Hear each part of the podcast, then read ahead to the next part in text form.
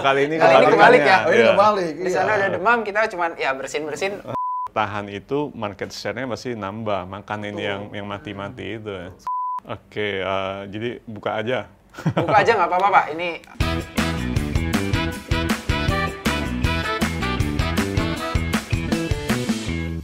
Halo teman-teman, balik lagi sama saya Henry Kogani, investment analyst dari Stockpit di acara Stockpit Talk.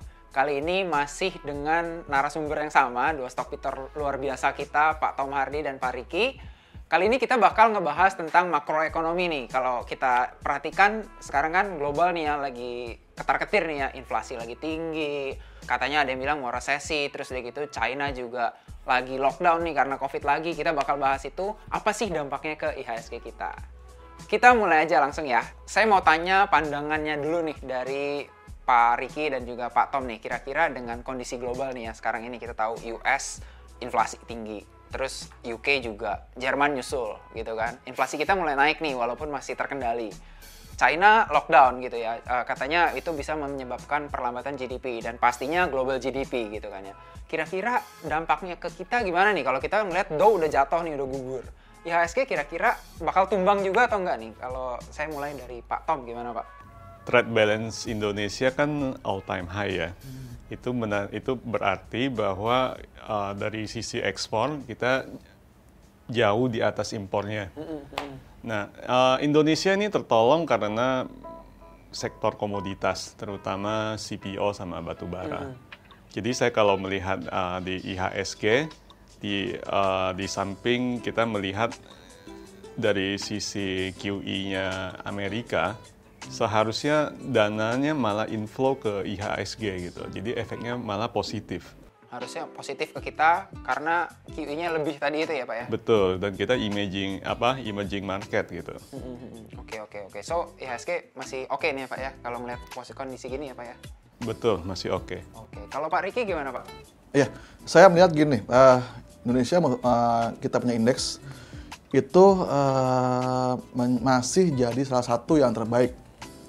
Kalau kita lihat belakangan ya, eh, saat yang lain tumbang luar biasa, kita kemarin hanya tumbang 10% dari high.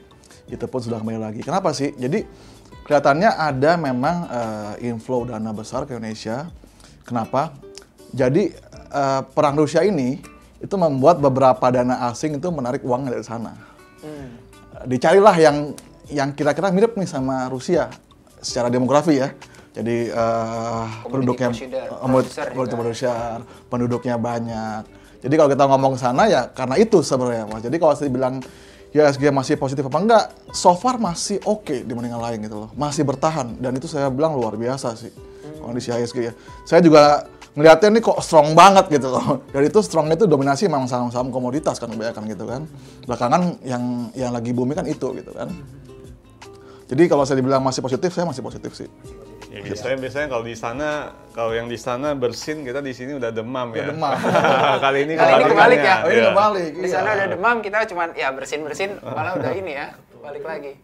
Eh, di negara DM DM itu apa DM develop market Develop itu kan market. itu sekarang kan lagi kondisi semua lagi batuk lagi bersin semua gitu kan dengan kondisi inflasi yang tinggi gitu kan ya jadi emerging itu kebagian lemparan uang ke sana gitu loh karena kenapa uang di sana inflasinya tinggi gitu kan. Udah gitu yieldnya rendah gitu kan. Posi apa eh, yield itunya kan negatif yield semua. Akhirnya mereka lari nih semua nih.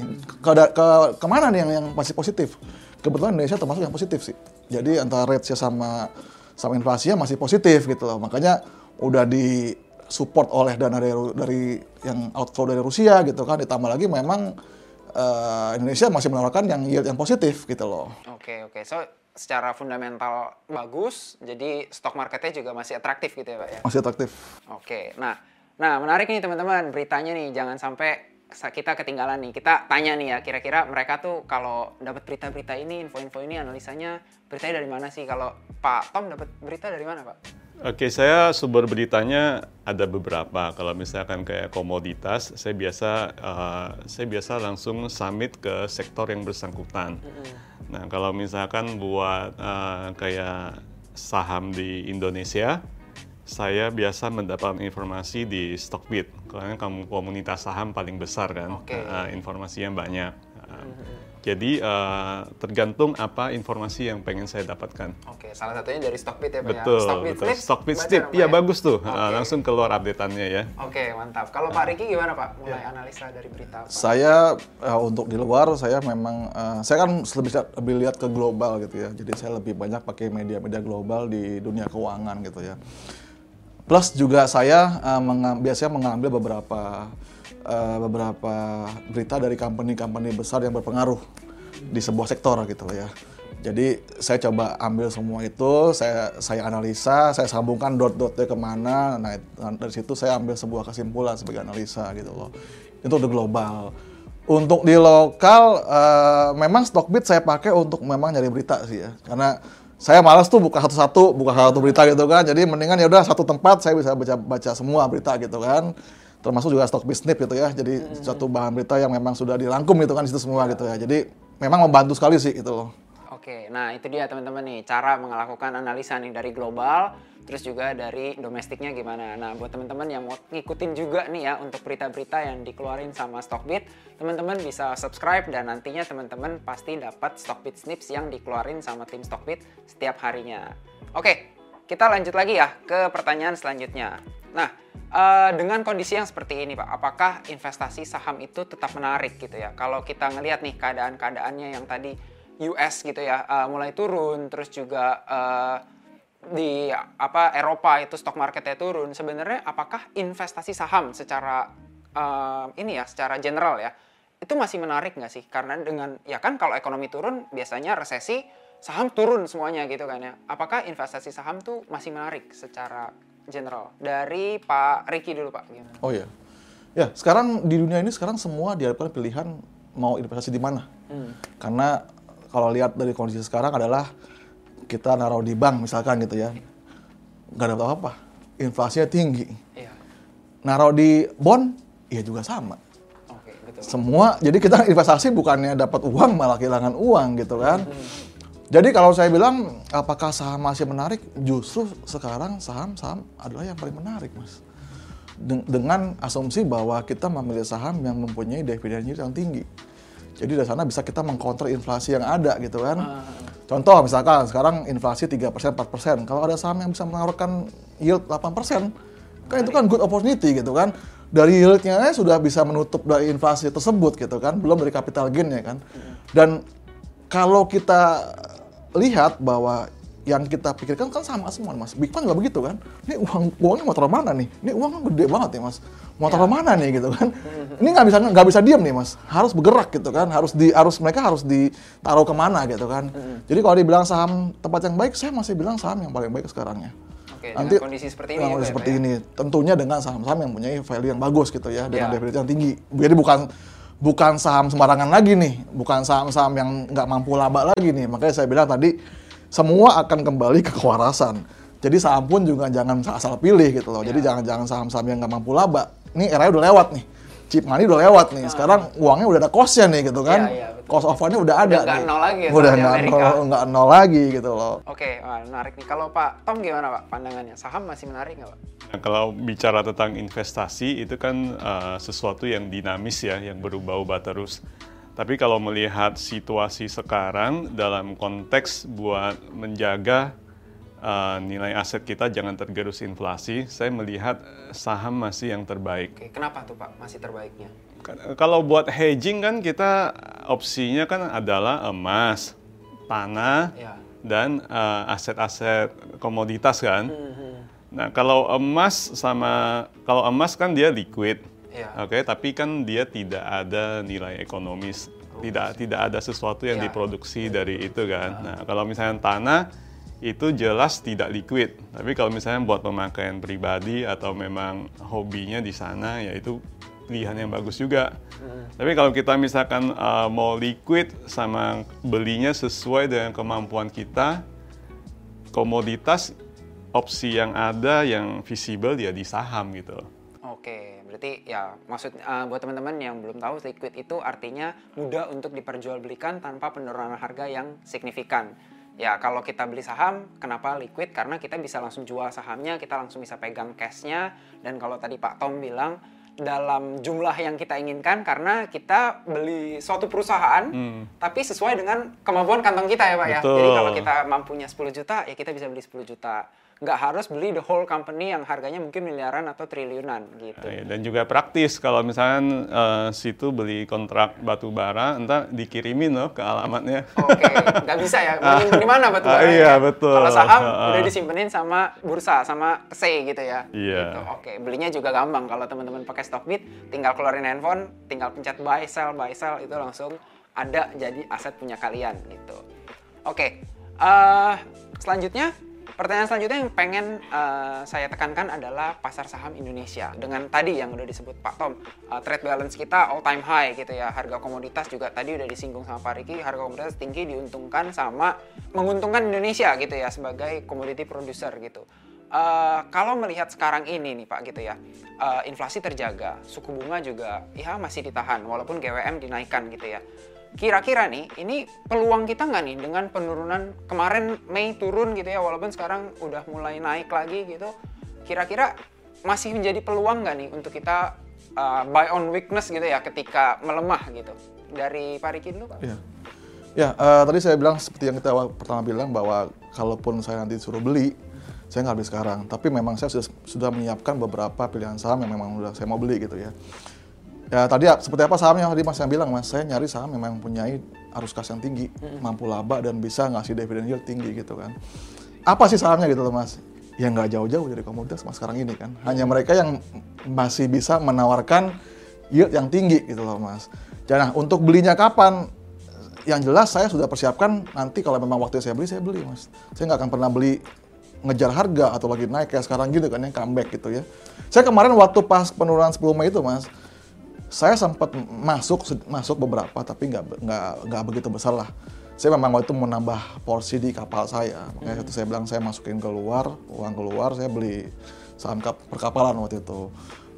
Ya mulai nyicil dikit, mulai nambahin lah mas dikit-dikit lagi gitu loh. Oke. Di sana yieldnya gede loh mas, jangan salah loh. Perkapalan tuh yieldnya gede di sana, nggak kayak di sini gitu loh. Jadi kalau dibilang kayak ITMG sekarang di sini ya, ya, ya itulah mirip-mirip gitu loh mas. Mirip-mirip dengan komoditasnya. berarti. Komoditasnya betul. Oke, beda sama yang di sini. Kalau di sini karena harganya spot ya Pak ya? Eh harganya eh, kontrak ya? Kontrak. Kalau di sana spot langsung Spot oriented. harga eh, internasional gitu. Yes. Oke oke oke. Kalau Pak Tom gimana Pak? Oke kalau oke kalau dibicara IHSG ya, kalau komoditas mungkin udah pada bosen ya. Nah komoditas ini kan uh, volatilitas volatilitasnya cukup tinggi. Nah di samping komoditas saya melihat ada juga sektor-sektor yang akan diuntungkan gitu loh dari perubahan besar ini. Karena kita tahu bahwa apa tarif impor, tarif logistik kan semua naik. Kalau kita cermat itu akan ada eh, beberapa perusahaan yang mengambil keuntungan dari sini gitu. Contohnya Pak, ini pertanyaan selanjutnya nih Pak sekalian. Eh, sektornya nih Pak, kira-kira apa aja nih yang bisa mengambil keuntungan dengan kondisi saat ini? Eh, sektor konsumsi bagus. Kalau buat yang suka riset dan mengerjakan PR, bisa dimulai dengan eh, cek emiten apa yang yang penjualannya masih bisa bertahan. Oke. Itu artinya SDM-nya bagus. Walaupun konsumer kita tahu banyak pakai komoditas kayak CPO gitu misalnya. Betul, Atau oil betul. buat ininya mereka ya kemasannya ya. Betul. Masih oke Pak. Justru justru di saat-saat sulit ini kita baru kelihatan mana yang benar-benar champion mana atau yang yaitu yang yang mediocre ya. Oke, Ya, oke. ah, nah, jadi kalau uh, kalau teman-teman mencermati di ubek-ubek itu akan kelihatan kok beberapa emiten yang yang super gitu loh. Yang orang lain lagi susah dia malah kayaknya ngegas sendiri gitu. Oke, oke, jarang nih perusahaan yang orang-orang lagi down, dia ngegas sendiri jarang nih. Iya. Ada lagi nggak Pak, selain tadi komoditas ya yang pastinya, consumer, ada lagi Pak kira-kira yang masih menarik? Sementara saya uh, interestnya di dua ini sih. Dua watch ini, Betul. ada lagi watch dua sektor Betul. ini ya. Iya. Kalau Pak eh, Ricky, ko- komoditas ya Pak ya tadi pasti ya. Terus apa lagi Pak? Eh, memang dari dua tahun lalu memang saya sudah heavy di komoditas. Tapi sekarang saya lagi coba untuk mendiversifikasi ke eh, sektor yang baru gitu ya untuk membalancing. Nah, eh, saya memang akan bertahap masuk ke sektor-sektor yang kayak consumer goods gitu ya. Tapi saya cari saham yang memang tahan banting, Mas. Gimana sih tahan bantingnya? Ya tadi saya pernah cerita sama Mas, saya akan cari saham yang satu punya yield tinggi juga. Kedua, saya juga cari saham yang kinerjanya mampu menghasilkan MPM tinggi, Mas. Jadi kalau ada guncangan lagi nanti, dia masih punya bumper nih, Mas gitu. Loh. iya, iya. Contoh misalkan saya ambil saham saham A nih gitu ya. Kalau memang saham A ini nanti NPM-nya misalkan 20-30% itu bakal jadi bargain buat saya, Mas. Artinya kalau something happen pun mereka masih bisa survive nih, Mas. Bertahan gitu kan. Apalagi kalau misalkan nanti ekonomi tambah reopen nih, Mas. Bagaimana kinerja mereka saat memang lagi jatuh aja mereka masih bisa menahan margin. Nanti begitu reopen, Mas, Bisa expand lagi malah. bisa expand lagi Biasa gitu yang ber- yang bertahan itu market share-nya pasti nambah, makanya Betul. ini yang yang mati-mati itu. ya. Sekarang posisinya ini mas, kalau COVID ini saya bilang sama eh, karyawan saya, masih saya punya usaha, the winner is the survival mas. Jadi yang bertahan adalah yang menang nih mas. Karena apa? Nanti semua orang ini yang yang yang nggak kuat nih mas, kan akan akan mati nih mas dengan sendirinya gitu kan. Nanti orang yang bertahan adalah yang orang yang mengambil market share itu nanti ya mas. gitu, mas. Jadi makin makin besar gitu kan, makin berkuasa gitu loh. Oke, wah ini menarik nih teman-teman ya. Dua-duanya punya pandangan yang sama. Nah, eh, ini jadi ngelit saya ke satu pertanyaan lagi. Kira-kira apa nih emiten yang tadi kuat goncangan, profit marginnya besar. Kira-kira apa boleh nggak nih di share ke teman-teman stock lainnya yang lagi di watch lah gitu sama Pak Riki sama Pak Tom gitu. Yang lagi di watch kira-kira apa nih yang kayaknya menarik nih, boleh nih, boleh dilakukan riset lagi nih sama teman-teman di rumah. Ada nggak? Kalau Pak Tom ada nggak Pak? Oke, eh, jadi buka aja. Buka aja nggak apa-apa Pak. Ini uh, Oke. Bapak bebas Pak. Kan ini bukan rekomendasi ya teman-teman ya. Anyway ini merupakan uh, sharing buat nambah pengetahuan. Jadi saham apa pun yang dibahas di sini teman-teman harus lakukan analisa sendiri lagi. Jangan langsung beli apa yang kita omongin di sini tanpa analisa lebih lanjut gitu. Nggak apa-apa Pak, santai aja. Ada ada dua emiten yang masuk watchlist saya sebenarnya udah udah mulai saya koleksi juga. Oke, satu adalah HMSP. Oke. HMSP rokok ya. karena dia eh, dia lagi mencoba develop eh udah udah udah masuk market malahan dan penerimaannya cukup bagus gitu loh. Apa nih, Pak? produk produk IQOS gitu. Oh, Oke, Nah, rokok- yang rokok ini ya yang di elektrik ya. betul yang bahkan menyasar non perokok.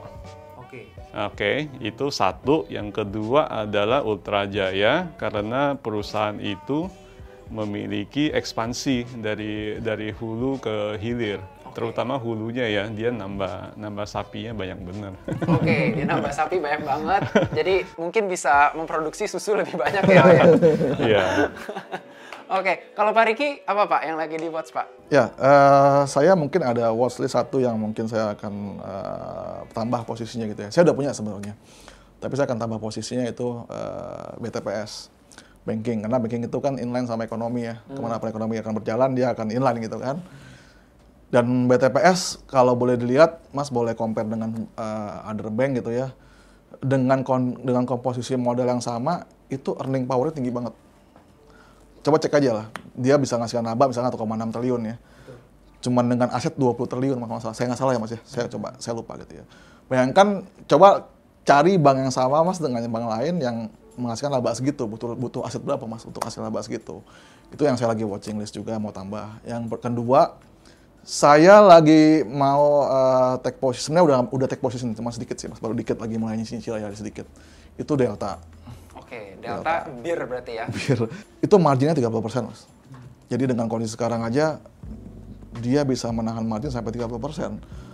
Apalagi nanti dengan kondisi re- eh, apa, ekonomi reopen gitu ya. Kalau nggak salah sekarang pun dia di- masih dinilai lebih murah dari pas lagi waktu zaman dia masih jadi champion ya mas ya.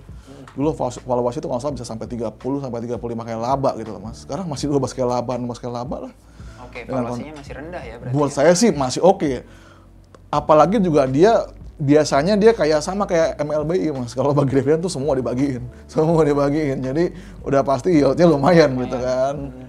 Yang ketiga saya perusahaannya ini anak anak perusahaannya Mas Mas Tom suka nih Ultra Jaya. Saya lagi ngincer Cam- Campina.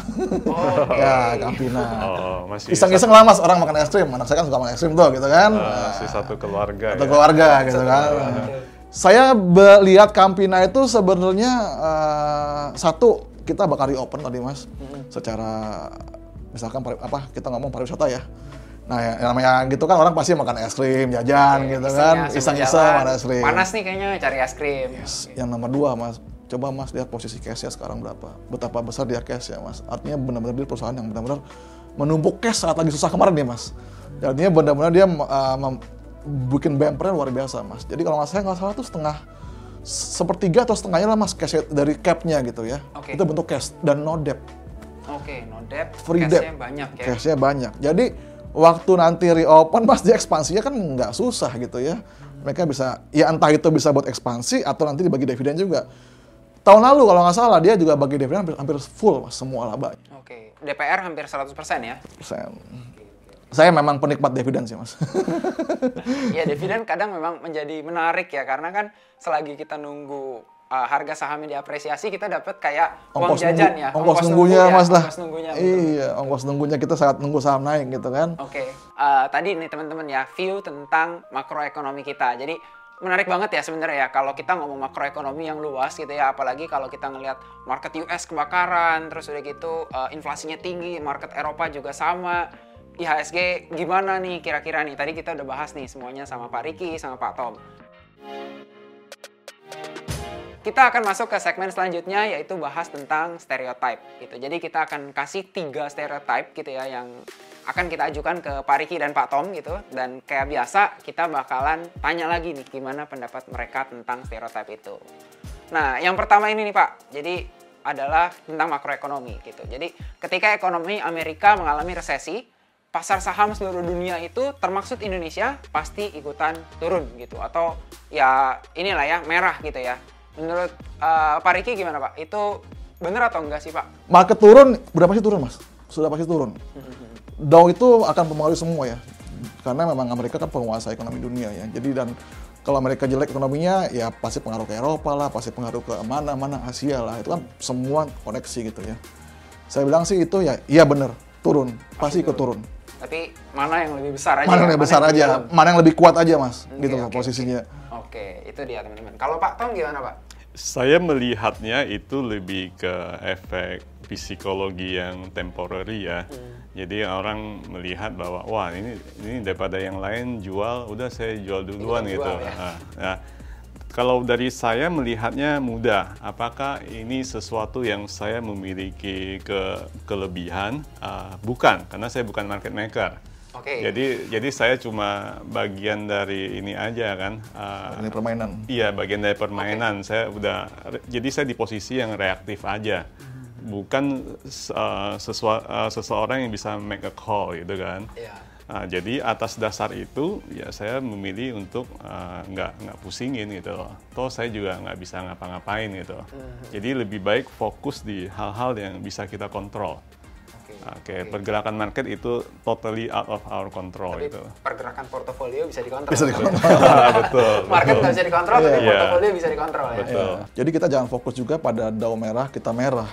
Tapi kita lebih fokus pada bagaimana mencari saham yang masih bisa bertahan saat merah itu gitu loh mas. Kalaupun misalkan misalkan dia naik itu bonus, kalaupun turun ya kita nggak nggak begitu jauh lah karena memang kinerjanya bagus-bagus gitu ya. Soalnya ada beberapa kali memang kita anomali ya mas ya. Sometimes kita lihat market merah kita punya portofolio naik. Namanya- Malah iya belakangan malah saya punya portofolio di luar itu malah all time high malah. jadi iya isi-isinya jadi karena anomali sama market gitu loh mas. Jadi kebetulan jadi makanya saya bilang kita nggak usah nggak usah melihat fokus pada marketnya sih gitu loh. Mhm. Jangan fokus sama indeksnya karena kita bukan beli indeks ya. Tapi kita beli saham-sahamnya yang ada di indeks yang mungkin korelasinya beda sama indeksnya gitu. Betul. Nah sekarang indeksnya aja juga bisa ngegocek kan. Malam ditinggal tidur masih masih plus, Iya. bangun tahu-tahu udah merah ya. Kadang juga malamnya Ah, di iya, iya, turun, kalau bolak-balik kita jual ya. tahu bangun udah hijau ya. Betul, iya. Iya iya iya ya, betul betul. Memang eh, jangan terlalu fokus teman-teman sama market karena komposisi portofolio kita itu bisa aja berbeda dengan pergerakan indeks gitu dan nggak bukan yang mustahil gitu ya. Kalau seandainya marketnya turun, portofolio kita masih naik kayak portofolionya Pak Riki nih yang di All time luar ternyata Dow Jones turun, portofolionya all time high. Nah itu dia teman-teman akhir dari diskusi kita tentang makroekonomi dan tadi kita juga udah bahas tentang stereotype-stereotype yang ada di market gitu ya sama Pak Riki dan Pak Tom. Uh, sampai sini dulu teman-teman. Uh, thank you Pak Riki sama Pak Tom yang udah Yeah, join yo, juga di Stock Talk kali ini. Uh, kita ketemu lagi di episode selanjutnya. See you teman-teman.